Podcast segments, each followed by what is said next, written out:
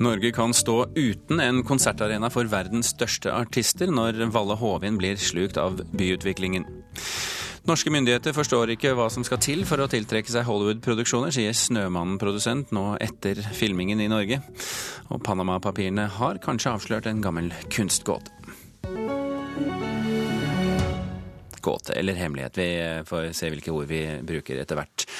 Du hører på Kulturnytt, og det er fredag, så det blir fredagspanel også litt senere i sendingen. Men først skal vi altså til Valle Hovin, som kan ha sett sine beste dager som konsertarena. Det frykter i hvert fall Rune Lem i Norges største konsertarrangør, Live Nation. Valle Hovin har siden 80-tallet skapt fantastiske minner for hele Musikk-Norge, med artister som Bruce Springsteen, Paul McCartney, ACDC og Michael Jackson. Og så disse gutta her, da, fra 1990.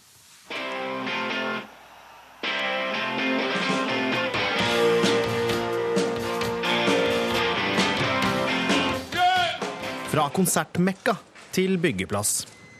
Valle Hovin har huset noen av tidenes største band, som The Rolling Stones, Pink Floyd, Michael Jackson, U2 Ja, lista er lang. Nå kan det ikke lenger arrangeres konserter der, mens det bygges leiligheter, kontorer og ikke minst Vålerengas etterlengtede nye stadion. Men når byggingen er over, kan superstjernene noensinne returnere til gamle Valle? Det kan hende at det blir konserter på Valle i framtida. Det kan godt hende at det ikke blir konserter på Valle i framtida. Fordi de konkrete planene for Valle Hovin er ikke lagt. Det sier byråd for kultur, idrett og frivillighet i Oslo, Rina Mariann Hansen. Jeg syns at vi er nødt til å ha et sted i byen hvor vi kan ta imot internasjonale artister som trekker et stort publikum. Fordi det syns jeg Oslo skal kunne tilby både våre og Norges innbyggere, at vi har store konserter her. Og skulle Valle Hovin forsvinne, mener Rune Lem at det ikke vil være bra for Oslo som konsertby. Det å, å, å ikke lenger ha Valle Hovin uten at vi har et annet alternativ, er et stort tap for Oslo. For det betyr at de store artistene som vi har hatt på Valle Hovin, sannsynligvis kommer til å reise forbi Oslo. Og det syns vi er leit. Som daglig leder i Live Nation Norway er det han som har sanket inn legender på rekke og rad de siste årene for den 40 000 mann store utestadionen, den største og mest sentrale av sitt slag i Norge. Men skulle Valle Hovin kunne brukes igjen til konserter, tviler han på at stedet vil være like bra og kunne romme like mange som før. Det stadion som bygges nå, kommer helt inntil uh, isflaten på Valle Hoven. Samt at en stor del av de områdene som vi har brukt til å bygge kontorer, catering, parkere trailere og sånn, det forsvinner. For Det er jo også snakk om rømningsveier som forsvinner. Samtidig prøver Per Åsmundsvåg i konkurrenten Atomic Soul å se positivt på en framtid uten Valle Hoven, men sier at det er litt vemodig dersom den skulle forsvinne. Nei, Det er jo et ikonisk sted som har jo på en måte vært en av um, lagt mye storkonsertgrunnlaget til Oslo, så selvfølgelig er det trist og leit at det blir borte. Men eh, sånn er det i en by. Byen utvikler seg, og byen forandrer seg. Eh, og får håpe at eh, enda flere blir glade for det som bygges der oppe nå. Det er jo et fælt sted, da. Ja, det er det, og det er derfor... Det er et håpløst og forferdelig sted. Det er grusomt. På kjøkkenet til P13 legges det ikke skjul på hva Thomas Felberg og Stig Holmer mener om Valle Hovin. Og min konklusjon nå er jo at jeg ikke kommer til å savne Valle Hovin det et sekund. Og, Ikke den, og det vonde vondt du fikk i beina av å stå på den jævla betongen en hel dag. Det var helt grusomt. Og logistikken å komme seg hjem fra Valle Hovin og etter konsert, som jo alltid var helt håpløs, egentlig. Her er det ingen tvil om at Felberg, som til daglig er musiker og programleder, synes konsertstedet ikke egner seg som, ja, et konsertsted. Det er et upersonlig betonghøl, egentlig. Og det er jo ikke egentlig lagd for at det skal være konsert der. Eneste grunnen til at det har vært konserter der, er jo for at det ikke har vært et annet sted å arrangere konserter i den størrelsesorden. Han tror at dagens storband stort sett vil kunne tilpasse seg steder som Ullevål stadion og Telenor Arena, samtidig som han mimrer tilbake til alle de store opplevelsene han har hatt der helt siden 80-tallet. Nei, Jeg har hatt det veldig gøy på Valle Hovin, så jeg mener ikke liksom å si at det er helt jævlig der. Så Jeg har sånn ambivalent forhold. Jeg har hatt det veldig gøy på Valle Hovin, men jeg har alltid syntes det har vært et møkkasted. Ja, det sa Thomas Felberg i NRK P13 til reporter Nikolai Voldsdal. Even Smith Wergeland, postdoktor ved Fakultet for teknologi, kunst og design ved Høgskolen i Oslo og Akershus. Velkommen til Kulturnytt. Takk for det. Skal vi bry oss om at Valle Hovin forsvinner som konsertarena? Ja, jeg syns absolutt det.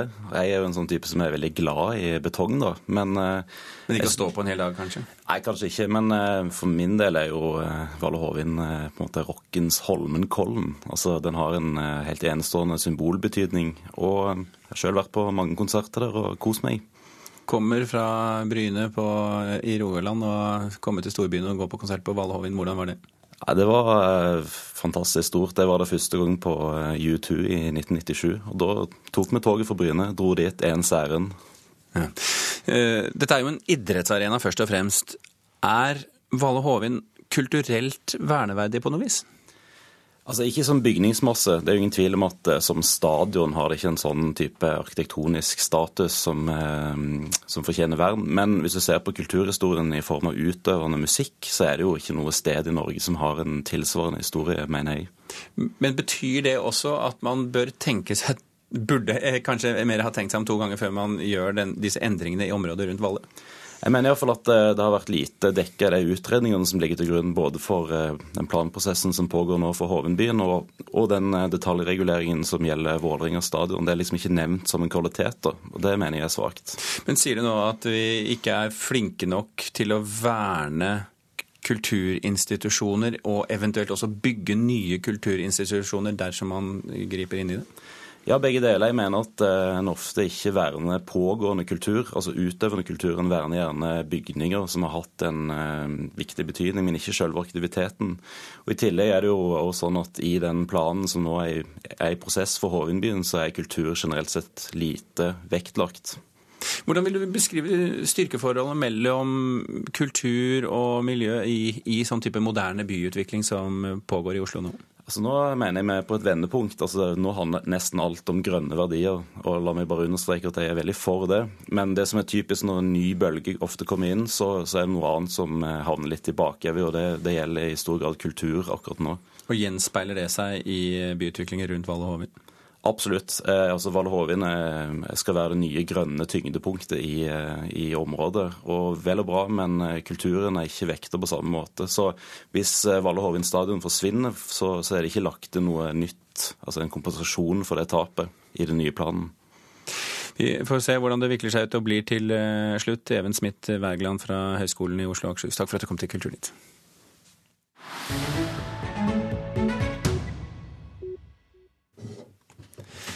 Aftenposten kommer med flere avsløringer som de har funnet i de såkalte Panama-dokumentene i dag. I denne, og denne gangen er det kunstverdenen som blir avslørt, reporter Eirin Venås Sivertsen.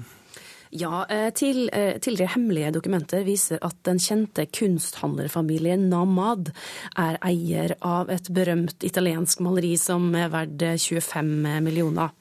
Maleriet 'Sittende mann med stokk' eh, av den italienske kunstneren Amadeo Modigliani eh, ble stjålet av nazistene eh, fra en jødisk kunsthandler eh, under andre verdenskrig. Og siden 2011 så har barnebarnet prøvd å få dette maleriet tilbake.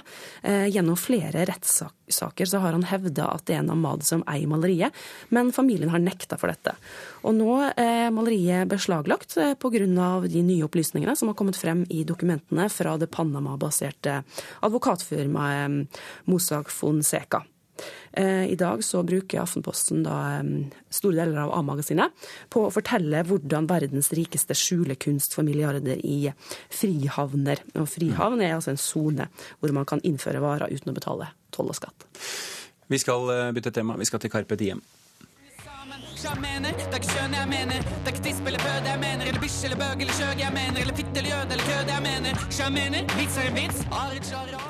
Ja, Dette er altså låta 'Attitude-problem', som har skapt debatt de siste dagene. Bruken av ordet 'jøde', som du hørte her, sammen med en rekke andre skjellsord, fikk Eliana Herz til å skrive et åpent brev til rapperen i Carpe Diem i Aftenposten her inne.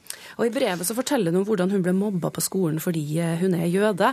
Eh, Hun jobber nå som veiviser og reiser rundt på skoler og forteller sin historie. I Vårt Land i dag så får hun støtte fra kommunal- og moderniseringsminister Jan Tore Sanner. Han sier til avisen at han eh, ikke tar stilling i saken, men at han er glad for at hun tar opp denne debatten. NRK og andre medier har jo prøvd å få tak i disse rapperne hele uka, men de har valgt å uttale seg på Facebook, der de sier at de er misforstått i saken. Teksten inneholder jøde og andre begreper som brukes for å diskriminere, nettopp for å vise at begrepene er problematiske når de tas ut av sammenhengen. Skal vi snakke litt om Sofie Elise før vi gir oss? Hun har vært på bondegård. Hun har vært på bondegård, og det har uh, avisen Nasjonen brukt fire helsider på i dag. Eh, sammen med bloggeren Kristine Gjelsvik eh, så poserer hun sammen med bonde, kyllinger og kyr. Eh, hun er vegetarianer, og hun har ikke endra syn på denne industrien etter besøket. Hun kritiserer dyrevelferden på gården i et innlegg hun har posta på bloggen i etterkant. Avisen er da mer opptatt av å fortelle hvor mye makt disse bloggerne har.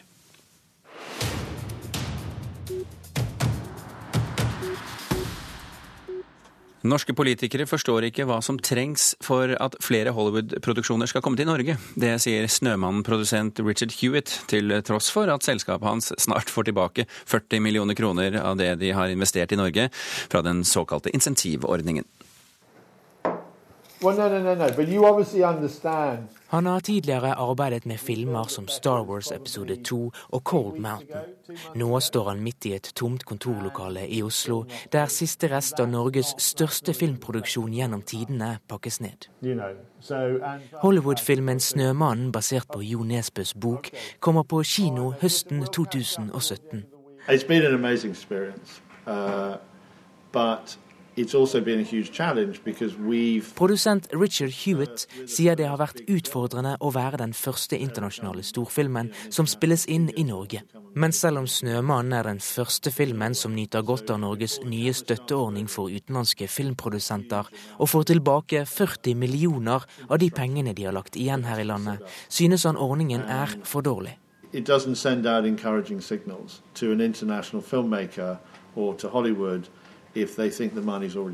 Norske politikere forstår ikke hva som trengs for at flere Hollywood-produksjoner skal komme til Norge, sier produsenten.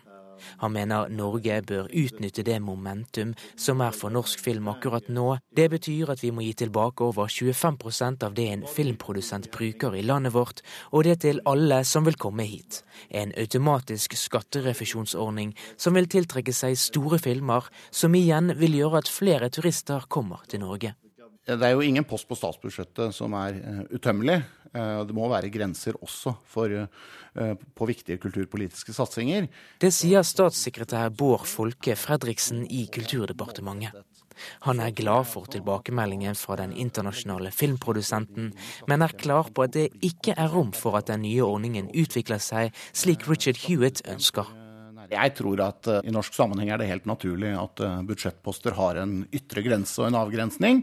Uh, og så får vi behandle søknaden innenfor de rammene vi har, og etter et system som vi mener gjør at vi prioriterer de viktigste filmene. Hva om det går på bekostning av hvor konkurransedyktige Norge ser ut utenifra? Ja, Da vil vi måtte vurdere størrelsen på potten ved eh, budsjettbehandlingene fremover. Selv ikke eh, statsbudsjettet eller eh, kulturbudsjettet er noen Sareptas krukke. Han kan ikke si om det er sannsynlig at også neste film om Harry Hole vil bli lagt til Norge. Men han syns det vil være synd hvis det ikke skjer, fordi Norge og Oslo spiller en nøkkelrolle i Nesbøs historier. Yeah, yeah, yeah. really ja, Det sa altså Richard Hewitt, som er produsent for Hollywood-produksjonen av Jo Nesbøs roman 'Snømann'.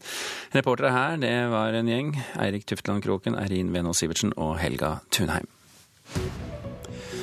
Klokken har eh, snart passert 17 eh, minutter over åtte. Du hører på Kulturnytt, og dette er toppsakene i Nyhetsmorgen nå. Panama snur. Landet vil likevel gi skatterelevant informasjon til andre land. Det sier landets visepresident. Såkalte sprittaxier er blitt vanlig i mange norske byer. Sjåfører kjører rundt og selger sprit til mindreårige.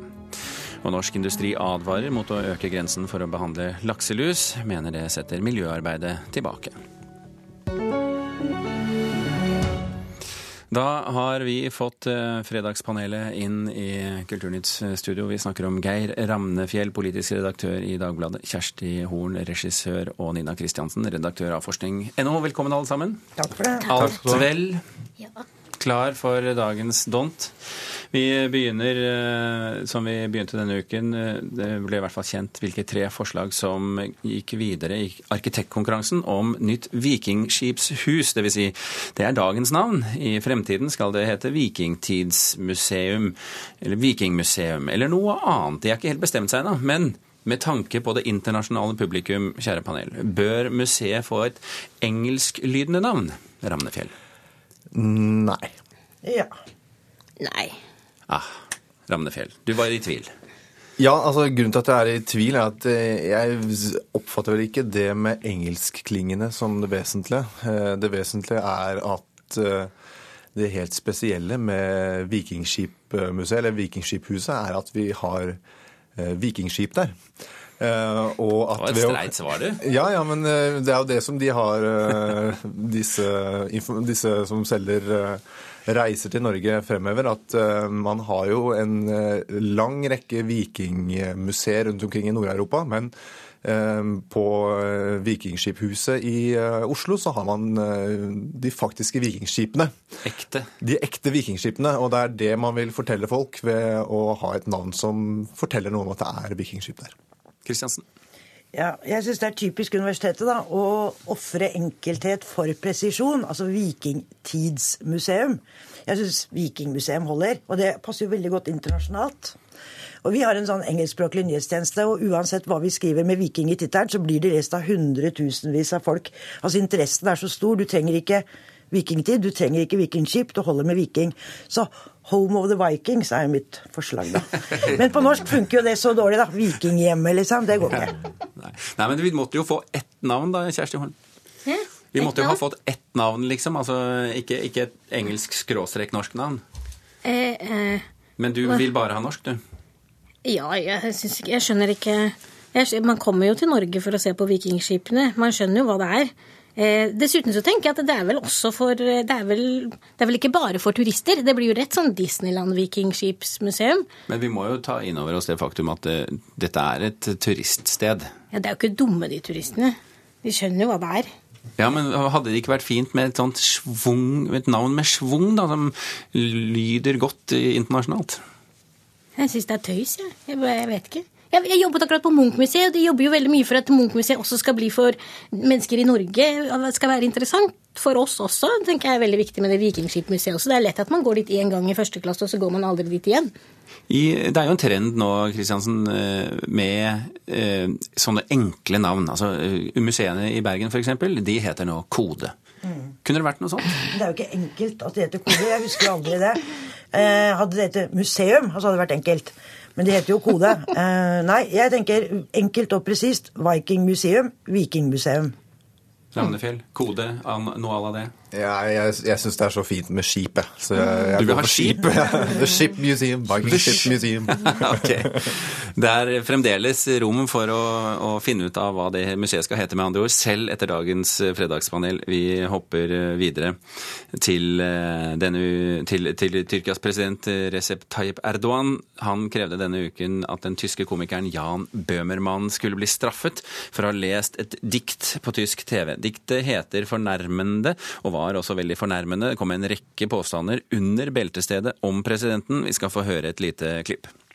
Kurden treten, Christen hauen und dabei Kinderpornos schauen.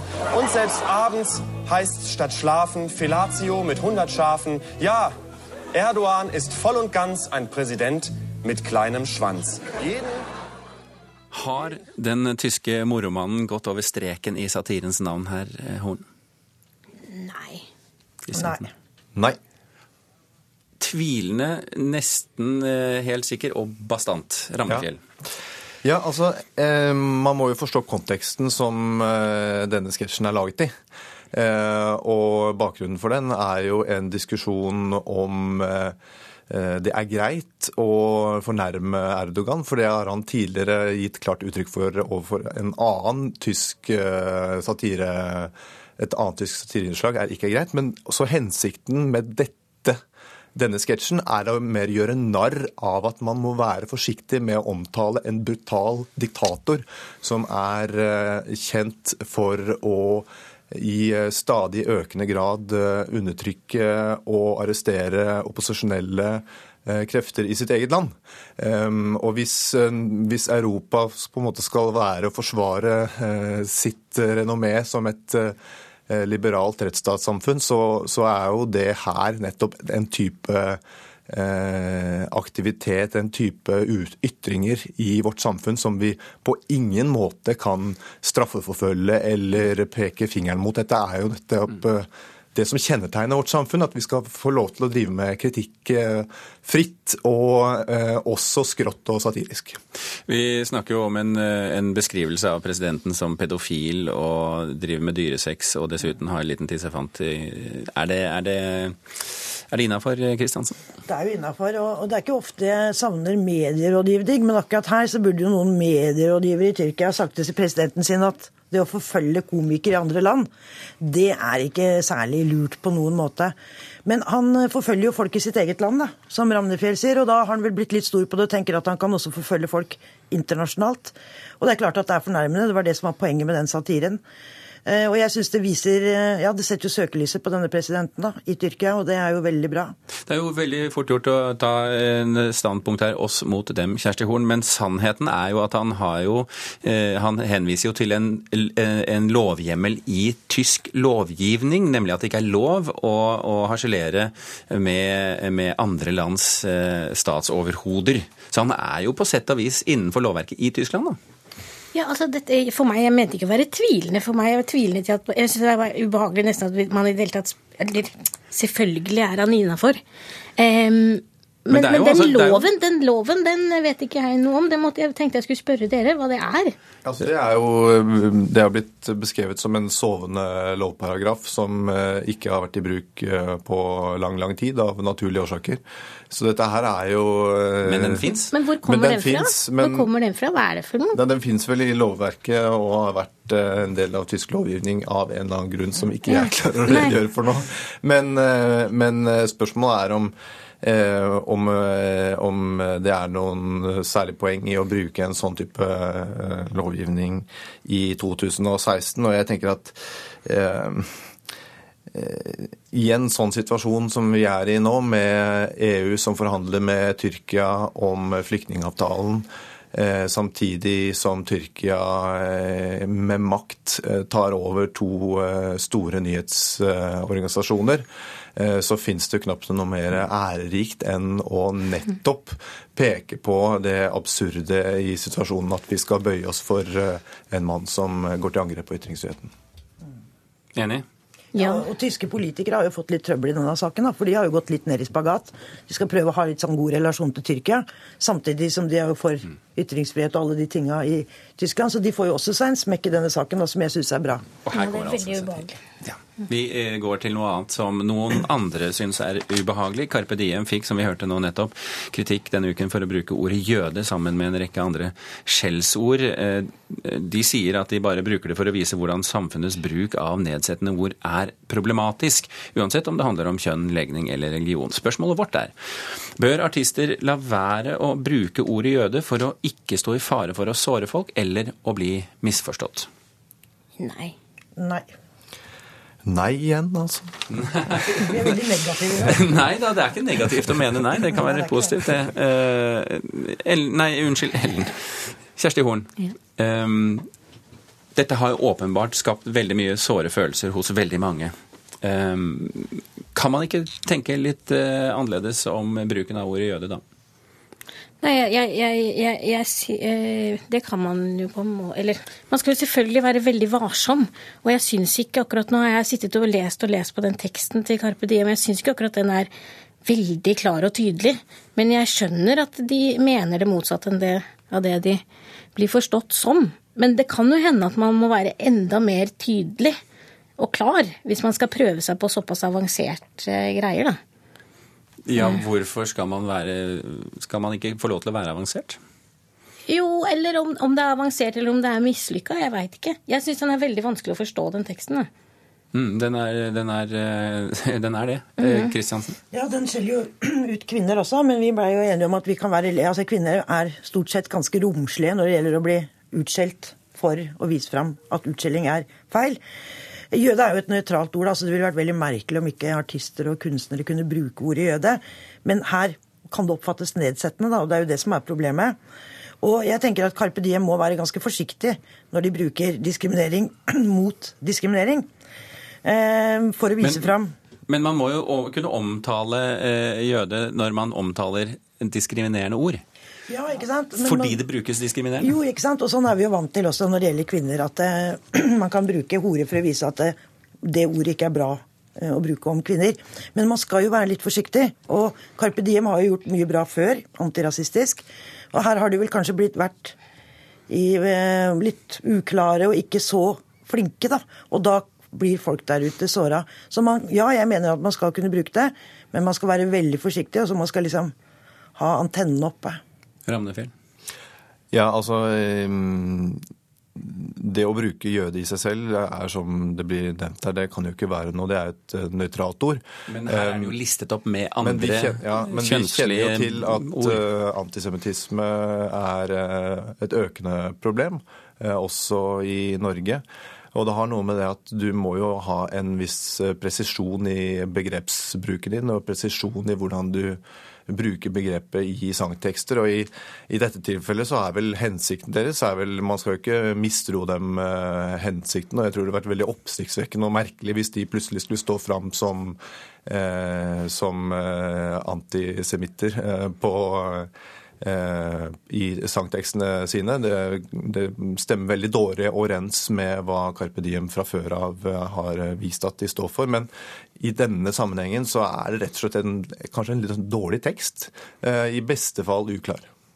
Men er det eh, er er ikke det et, et, en artistprivilegium, da? Å, å kunne være uklar? Bevisst uklar, kanskje? Jo, jo, men da må du jo også regne med at du blir bevisst misforstått, da. eh, Hva skal man si? Altså, du, må jo, du må jo prøve å være uklar. Altså uklar, eh, uklart språk er eh, uttrykk for uklar tanke. eh, Og, og det Det er da sannelig ikke sant innen eh, poesien og litteraturen, er det det, da?